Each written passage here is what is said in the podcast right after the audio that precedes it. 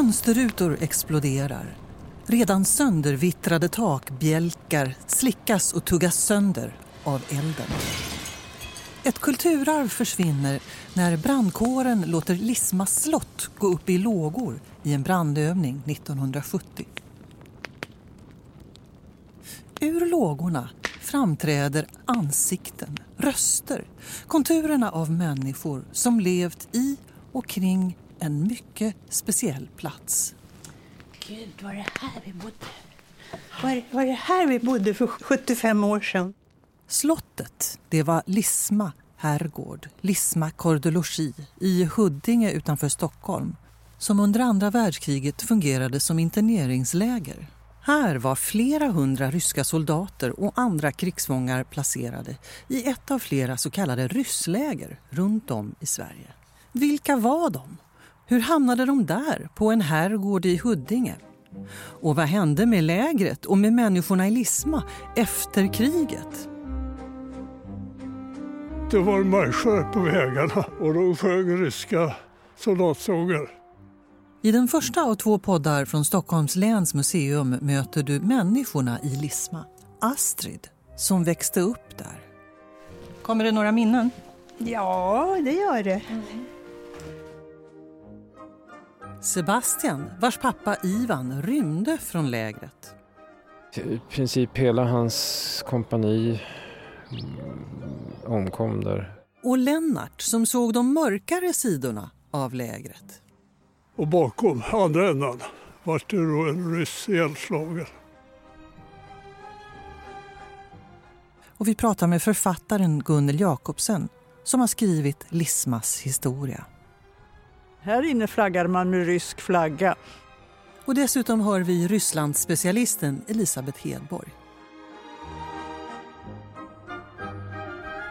Jag står i en glänta i Huddinge med Astrid Klasbo och Gunnel Jakobsen. Vi är på det man kallade för Lisma huvudgård tror jag, där det här slottet låg. Mm. Slottet, det låter pampigt. Var det ett slott? Ja, det stod här i parken mm. och det var ju liksom en park med mycket blommor och äppelträd och vallgravar var det grävt runt om hela området. Alltså själva slottet är ju rivet sedan många år tillbaka. Jag tror det var Huddinge brandkår som de eldade upp det. Och själva planen på parken och själva vallgravarna ser man ju rester av. Och sen det här gamla huset, där, där är ett bostadshus med två rum och sen är det ihopbyggt med lagården. Där bodde jag. Vi hade ju husdjur då i samma länga men om det var några mellanrum här mellan själva husen där djuren var och där vi bodde. Astrid är född 1932 och hon var sju år när andra världskriget bröt ut. Hon har inte besökt sitt barndomshem sedan hon lämnade Lisma strax efter kriget. Nu är den förfallna laggårdslängande enda spåret av det rika liv som en gång fanns i Lisma. Din pappa, Astrid, Karlsson i parken, han jobbade här eh, på Lisma. Vad gjorde han för någonting? Ja, först arrenderade han ju Lisma gård, Lisma huvudgård. Mm. Och sen gjorde han ju konkurs. Och sen så blev det ledigt i parken och då flyttade vi ner dit. Mm. Och då var han ja, jordbrukare. Mm. Lisma slott stod färdigt 1820. En stilig byggnad i fyra våningar som restes av bröderna Mörner. En av dem hade träffat Napoleon i Frankrike för att förhandla om att få Jean-Baptiste Bernadotte som kung i Sverige. Bernadotte är också förklaringen till varför Lisma herrgård kallas för slott än idag. För när bröderna Mörner inte längre hade råd att driva slottet så löstes de ut av den nya kungen. Jag kommer ihåg den där springbrunnen, det var ju utav cement och där kunde man springa runt, runt, runt, runt. Det kommer jag ihåg, det gjorde jag. Och sen var det, kommer jag ihåg att det var jättemycket blommor i parken här. Påskliljor, pingstliljor och Fiat Megay. Och det gick jag runt och plockade och så var det jättemycket äppelträd överallt. Så jag åt äpplen. Jag kunde inte förstå att jag orkade äta så mycket äpplen. Lagårdsbyggnaden där Astrid och hennes föräldrar och lillebror bodde ligger ungefär 50 meter från platsen där slottet en gång låg. Jag funderar på om vi ska ta och gå in. Ska vi göra det? Mm. Ja. Här är en blåmålad dörr som står välkomnande på glänt. Det här är gamla köket. Det här är köket? Ja. ja. Nu ska vi ju passa oss så vi inte ramlar igenom golvet tror jag. Här hade vi ett vanligt kök. Ja. Det är fruktansvärt förfallet. Det är pärlspont. Ja, ja, det stämmer. Och en stor eh, järnspis. Ja, ja. Mm. Och så, den har vi lite diskbänk tror jag där. En kaffepanna från, från er tid kanske? ja, kan, ja, kanske. Ja. Gud, var det här vi bodde? Var, var det här vi bodde för 75 år sedan? Hur känns det att stå här, Astrid? Det känns lite overkligt, mm. kanske. Kommer det några minnen? Ja, det gör det. Mm. Där, vid den där väggen stod ett linneskåp. Och sen var det en soffa där bredvid också. Jag tror jag, bod, jag bodde nog här i den där soffan mm. och min bror och min mamma och pappa bodde i det rummet. Mm. Mm. Hur många var ni som bodde här, Astrid? Ja, det var, vi var ju fyra. Mm. Min bror och jag och mamma och pappa. Astrid har tydliga minnen från krigsåren trots att hon var så liten. Ja, vi hade ju mörka rullgardiner och minsta lilla ljusspringa fick man ju täcka för. Var det alltid mörkt? Ja, på nätterna mm. när vi hade lampan tänd. Mm. Men då hade vi ju, ja, hade ju karbidlampa under kriget. Mm. Men det var ju lite ljus i alla fall. Ni fick ju grannar här på gården, eller hur? Vad var det för, vad var det för grannar? Eh, flyk, eller ja, flyktingarna, eller desertörerna eller vad man ska kalla det för, kom. De som flydde från kriget i, mellan Ryssland och Tyskland och från världskriget ryska krigsflyktingar? Alltså. Ja, mm. men det var många, många från Baltikum också. Ukrainare var det och från Ryssland. Det blev att man träffade dem ibland. Och de hade ju väldigt mycket underhållning också. Så jag såg min första film här uppe på slottet. Ja, det var en krigsfilm, Kampen om Stalingrad. Den tror jag är ganska känd. Där de förstörde Stalingrad och bombade sönder den staden.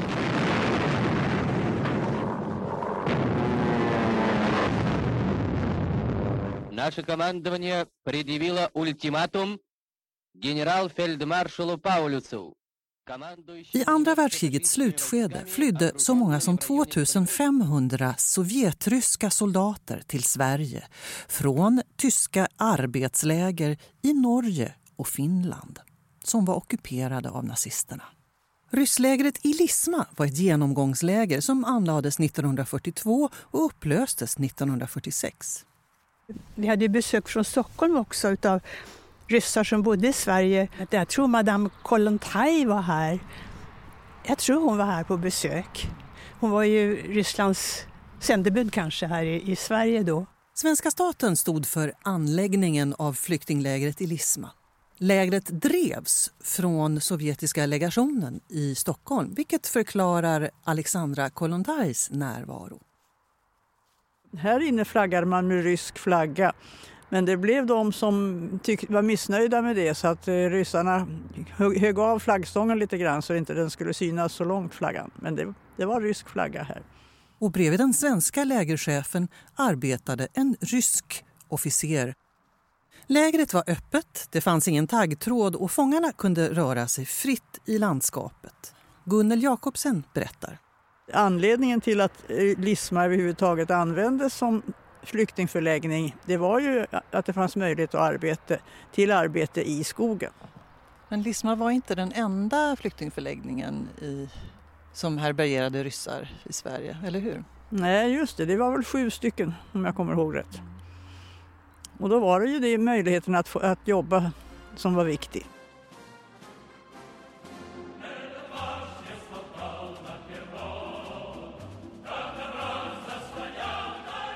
Internerna arbetade och hade olika sysslor medan de befann sig i lägret. Ja, de arbetade hos eh, bönder. Det var ju en skogsegendom och det var ju skogsbruk som de flesta jobbade med. Bonden Oskar Börjesson fick ett skrin i present av en av internerna som hette Volodin. Och han har skrivit sitt namn i, på insidan av locket. Men utsidan är det alltså någonting som vi ser ut som intarsia, men det är inte trä utan det är ifrån en eh, tröskverk, alltså resterna från ett tröskverk som han har lagt in i det här så, och gjort ett mönster. Eh, och det skänkte han till eh, en, av, en bonde som han arbetade åt som hette Oskar Börjesson i Solängen. Lennart Granstedt brukade ofta besöka lägret. Nu går vi här i den gamla allén, eller hur Lennart? Och där det var eh, ryska lägerfångar en gång så går det istället får och ganska nyfödda lamm. Mm. Och där bergknallen, det stod ena skorstenen på. Hu huvudbyggnaden stod på den här bergsknallen? Ja, ena skorstenen. Och den andra stod lite längre bort, skorstenen. Så att, eh, och sen framför här var det en springbrunn. Lennart Granstedt gestikulerar och visar var slottet låg en gång och var barackerna hamnade när lägret etablerades 1941. Och eh, sen då samtidigt så blev det ju en barack med samma här till höger bakom trädet. Och så låg det då fem baracker på rad bredvid huvudbyggnaden. Och det var ju i barackerna som ryssarna egentligen bodde. Första veckan så sjöng och marscherade fångarna ivrigt. Men det tog ett snabbt slut. När de kom hit första veckan då var det militära uniformer och det var marscher på vägarna. Oj, oj, oj. Och de sjöng ryska soldatsånger. Men det var bara en vecka, så var det tyst. Och inga uniformer. Aha, de, de fick av. inte agitera.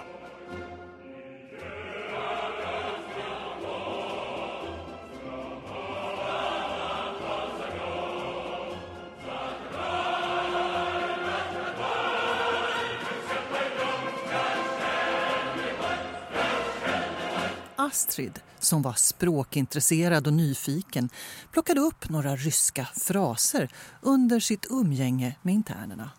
Det var väl några sådana här interner som man träffade och frågade. Så gick jag med en anteckningsbok och skrev upp. Jag gillar ju språk. Och det kommer jag ju faktiskt ihåg än idag, några korta meningar. Tavarish, kamrat, diavorska. Mm. Och så räddade jag mig räkna. Adjin три, четыре, пять, семь, десять, содевить. Någonting sånt. Räkna till tio på ryska? Ja. Mm. Jag tror inte jag kommer ihåg. Malenki Malchik. Liten pojke. det var din, din bror det? Ja, det var det nog. Ja. Förutom filmvisningar så förekom det ofta konserter och dans i fånglägret. Rykten gick ju att ja, ikväll är det underhållning där och då var man ju välkommen att gå dit för de tyckte ju det var bra när det kom lite av bygdens folk så att säga. Och eh, de var väldigt duktiga sångare och musikanter, många ryssar. Och sen nämnde jag den här operasångaren då som uppträdde ibland.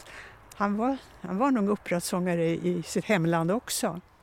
Och sen balalaika spelar de mycket. Det här instrumentet, balalaika. Och sen hade de sina kosackdanser. Mm, faktum är att 87-åriga Astrid kommer ihåg en eh, rysk visa som hon lärde sig. Napalobi matrosi, korito papirosi, Abedi Charlie Chaplin, Akorki Sabiral. Napalobi matrosi, korito papirosi, Abedi Charlie Chaplin, Akorki Sabiral. Alltså det handlar om Charlie Chaplin när han, jag tror han röker cigaretter eller pipa eller någonting sånt. Bland Astrids vänner fanns en eh, före detta ukrainsk storbonde. Jag kommer ihåg en som hette Bandura som var från Ukraina. Han hjälpte pappa väldigt mycket. Och högg, de högg lite träd och hjälpte honom med jordbruket. Han hade varit stor, storjordbrukare i Ukraina. Bandura. Det finns något instrument som heter bandura tror jag också. Det är det ukrainska nationalinstrumentet, den Det ukrainska lutan. Ja, Mm. ja. Jag vet inte om han hette bandura på riktigt men det var väl vad han sa i alla fall att han hette.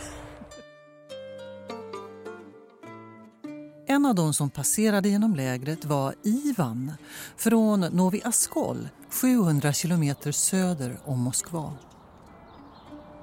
Min pappa hette Ivan och föddes 1924 i Novi Oskol, eh, ungefär 700 kilometer söder om Moskva. Efter det så blev han inkallad för mönstring då när han var omkring 15 år.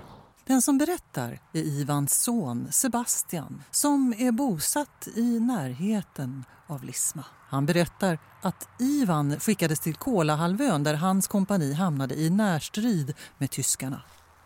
I princip hela hans kompani mm, omkom där och han- han och någon till överlevde. Och han, han blev ju själv sårad. Han hade ju några ärr från granatsplitter och sånt på ryggen. Ivan tillfångatogs alltså av tyskarna 1941 och hamnade i slavarbetsläger först i Finland och sen i Norge.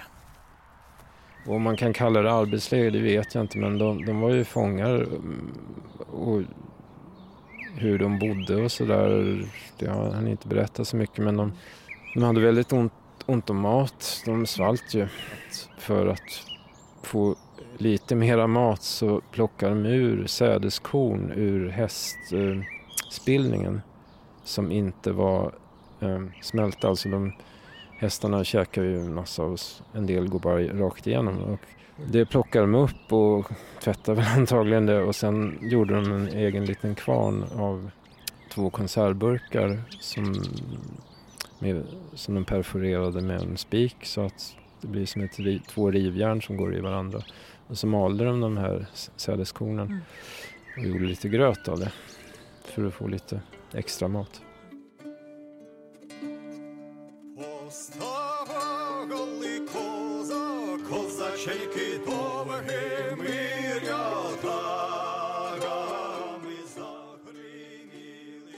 Livet i tysk fångenskap blev ohållbart. Så när Ivan till slut flyttades till ett läger nära gränsen till Sverige passade han på att fly. Han tog sig över till Värmland och plockades upp av svenska myndigheter som skickade honom till Lisma. Men han blev inte långvarig i Lisma heller. Han såg nämligen en propagandistisk affisch på väggen i förvaltningskontoret. Affischen föreställer en flicka som håller ett fotografi på sin pappa så, som verkar vara en, ha en flygaruniform på sig. Texten på affischen är ju precis det att min pappa är en hjälte men vem är du? Pappan måste vara död. Han har offrat sig för fosterlandet. Du som ser det här har ju överlevt eh, och hamnat på ett sånt här läger. Vad har du gjort? Liksom? Affischen var ett tydligt budskap till dem som eh, sovjetiska staten betraktade som desertörer. Det är ett budskap att ehm, vi som är, har flytt eller blivit tillfångatagna, vi, vi är inte värda så mycket. Vi, vi är inga hjältar så vi, vi kommer inte bli behandlade som några hjältar precis när vi kommer hem. Då. Och då bestämde han sig för att sticka därifrån och hålla sig undan. Var Ivan paranoid eller hade han anledning att vara rädd? Ja, journalisten Elisabeth Hedborg var korrespondent i Moskva på 1980-talet och hon har skrivit en bok om rysslägren i Sverige. Min far var en rysk soldat. Det var den anda som rådde i Röda armén under andra världskriget. Att eh, man ska spara en sista patron till sig själv. Man ska inte ge sig till fånga till, fängelse, till, till fienden.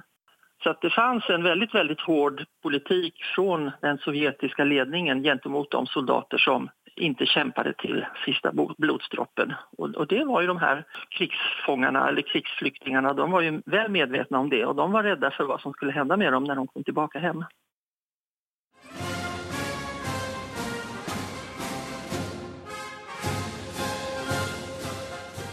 Medan jag promenerar med Astrid och Lennart i den forna trädgården på Lisma så känns 1940-talet otroligt avlägset. Det är svårt att föreställa sig att någon skulle kunna vara rädd på en så fridfull plats.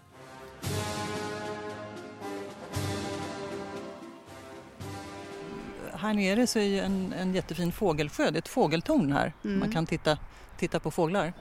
Men sjön, Lismasjön är ju väldigt igenvuxen. Var den större då? Om. Den var nog dubbelt så stor. Man kunde ro ut till en bergknalle där som vi kallar för Kobben. Och där badade vi. Sen hade vi en badbrygga och en, en träbassäng i vattnet. Men det låter ju som en idyll det här. Men jag tänker, det händer ju ganska dramatiska saker. Du var ju med om något ganska förfärligt, Lennart, eller hur? Jag var med om, ja, ja det är klart, jo, du tänker på det mordet som skedde här. Ja, med tiden ökade motsättningarna i lägret. Affischen på väggen som skrämde bort Sebastians pappa var inte den enda varningssignalen som en lyhörd iakttagare kunde plocka upp. Lennart Granstedt minns nämligen ett mord som ägde rum i Lisma-lägret mitt under pågående filmvisning. Då satt eh, publiken på bänkar och vi, eh, man såg film på, på barackgaveln. Och bakom, andra ändan, var det då en ryss ihjälslagen. Lennart minns att polis och ambulans kom och själv blev han förhörd. Och med en rörstump hade de dragit honom i skallen. Vattenledningsrör alltså. Och bara slagit ner honom. Och att det skulle vara en kille då som hade kallat för tyskarna när de var i något läger i Norge. Ja, varför den här fången mördades är oklart än idag. Mordutredningen lades ner och Elisabeth Hedborg har gått igenom alla de dokument som gäller mordet. Den sovjetiska legationen la embargo på utredningen även om den formellt sett gjordes av svenska polisen. Jag har sett ett eh, dokument, en redovisning av Tom Ljungqvist som var lägerchef på Lisma. Han skrev att eh, det här verkar vara som om legationen ser det som en intern angelägenhet. Den mördade lägerfången var god vän till en av Ivans färdkamrater. Och även han bestämde sig för att fly efter den här brutala incidenten. De andra med ähm, lägerflyktingarna som var där, de misstänkte att den här personen som blev ihjälslagen, att han var en förrädare som hade kämpat på en motstånd, i en motståndsgrupp mot Stalin och kommunismen. Ja, det hände alltså saker bakom kulisserna som ungdomarna Lennart och Astrid hade svårt att förstå. Men Ivan och hans gode vän gjorde förmodligen klokt i att fly. Den 10 oktober skeppades nämligen ett stort antal ryska soldater tillbaka till hemlandet i största hemlighet. Lennart Granstedt minns hur fångarna förflyttades i skydd av nattens mörker. Det gick i regel på kvällarna så att det var skumt. Och, och så körde de till Nynäshamn med ryssar då. Där skeppas det väl över till Leningrad. Men sen har man ju hört att må- många hamnar i Sibirien. Astrid, minns, minns du det? När de, eh, när de blev ivägtransporterade? Jag har inget minne av det överhuvudtaget. Men vilket år var det? Ja, det var nog 43-44 började Nej, jag har inget minne. Inte av de här morden heller. Men jag var ju några år yngre då så att det kanske var därför. Nej, Astrid var för ung för att minnas dramatiken kring rysslägret. Faktum är att det inte är många alls idag som pratar om rysslägren i Sverige.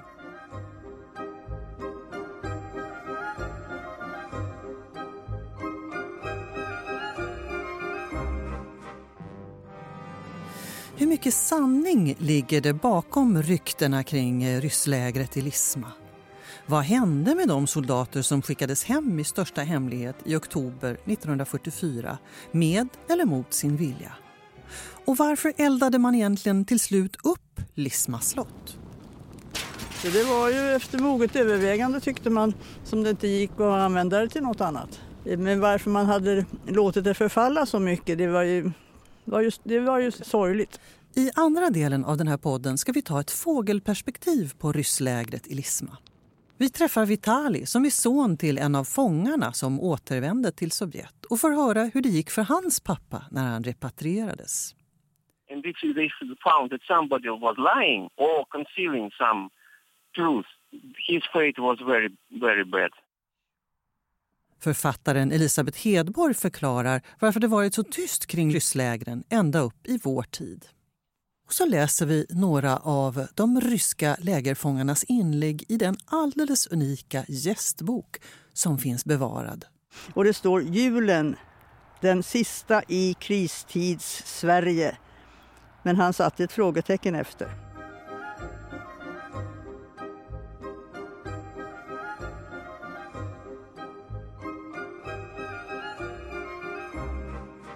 I första avsnittet av den här podden om rysslägret i Lisma har du träffat Astrid Klasbo, Lennart Granstedt, Gunnel Jakobsen, Elisabeth Hedborg och Sebastian, soldaten Ivans son. Musiken i avsnittet var Farväl till Slavjanka med ryska arméns kör, Dmitrij Sjostakovitjs vals nummer två och en ukrainsk kosackvisa framförd av Taras Kompanichenko. Podden ges ut av Stockholms läns museum jag heter Sofia Nyblom och podden görs av oss på Munk.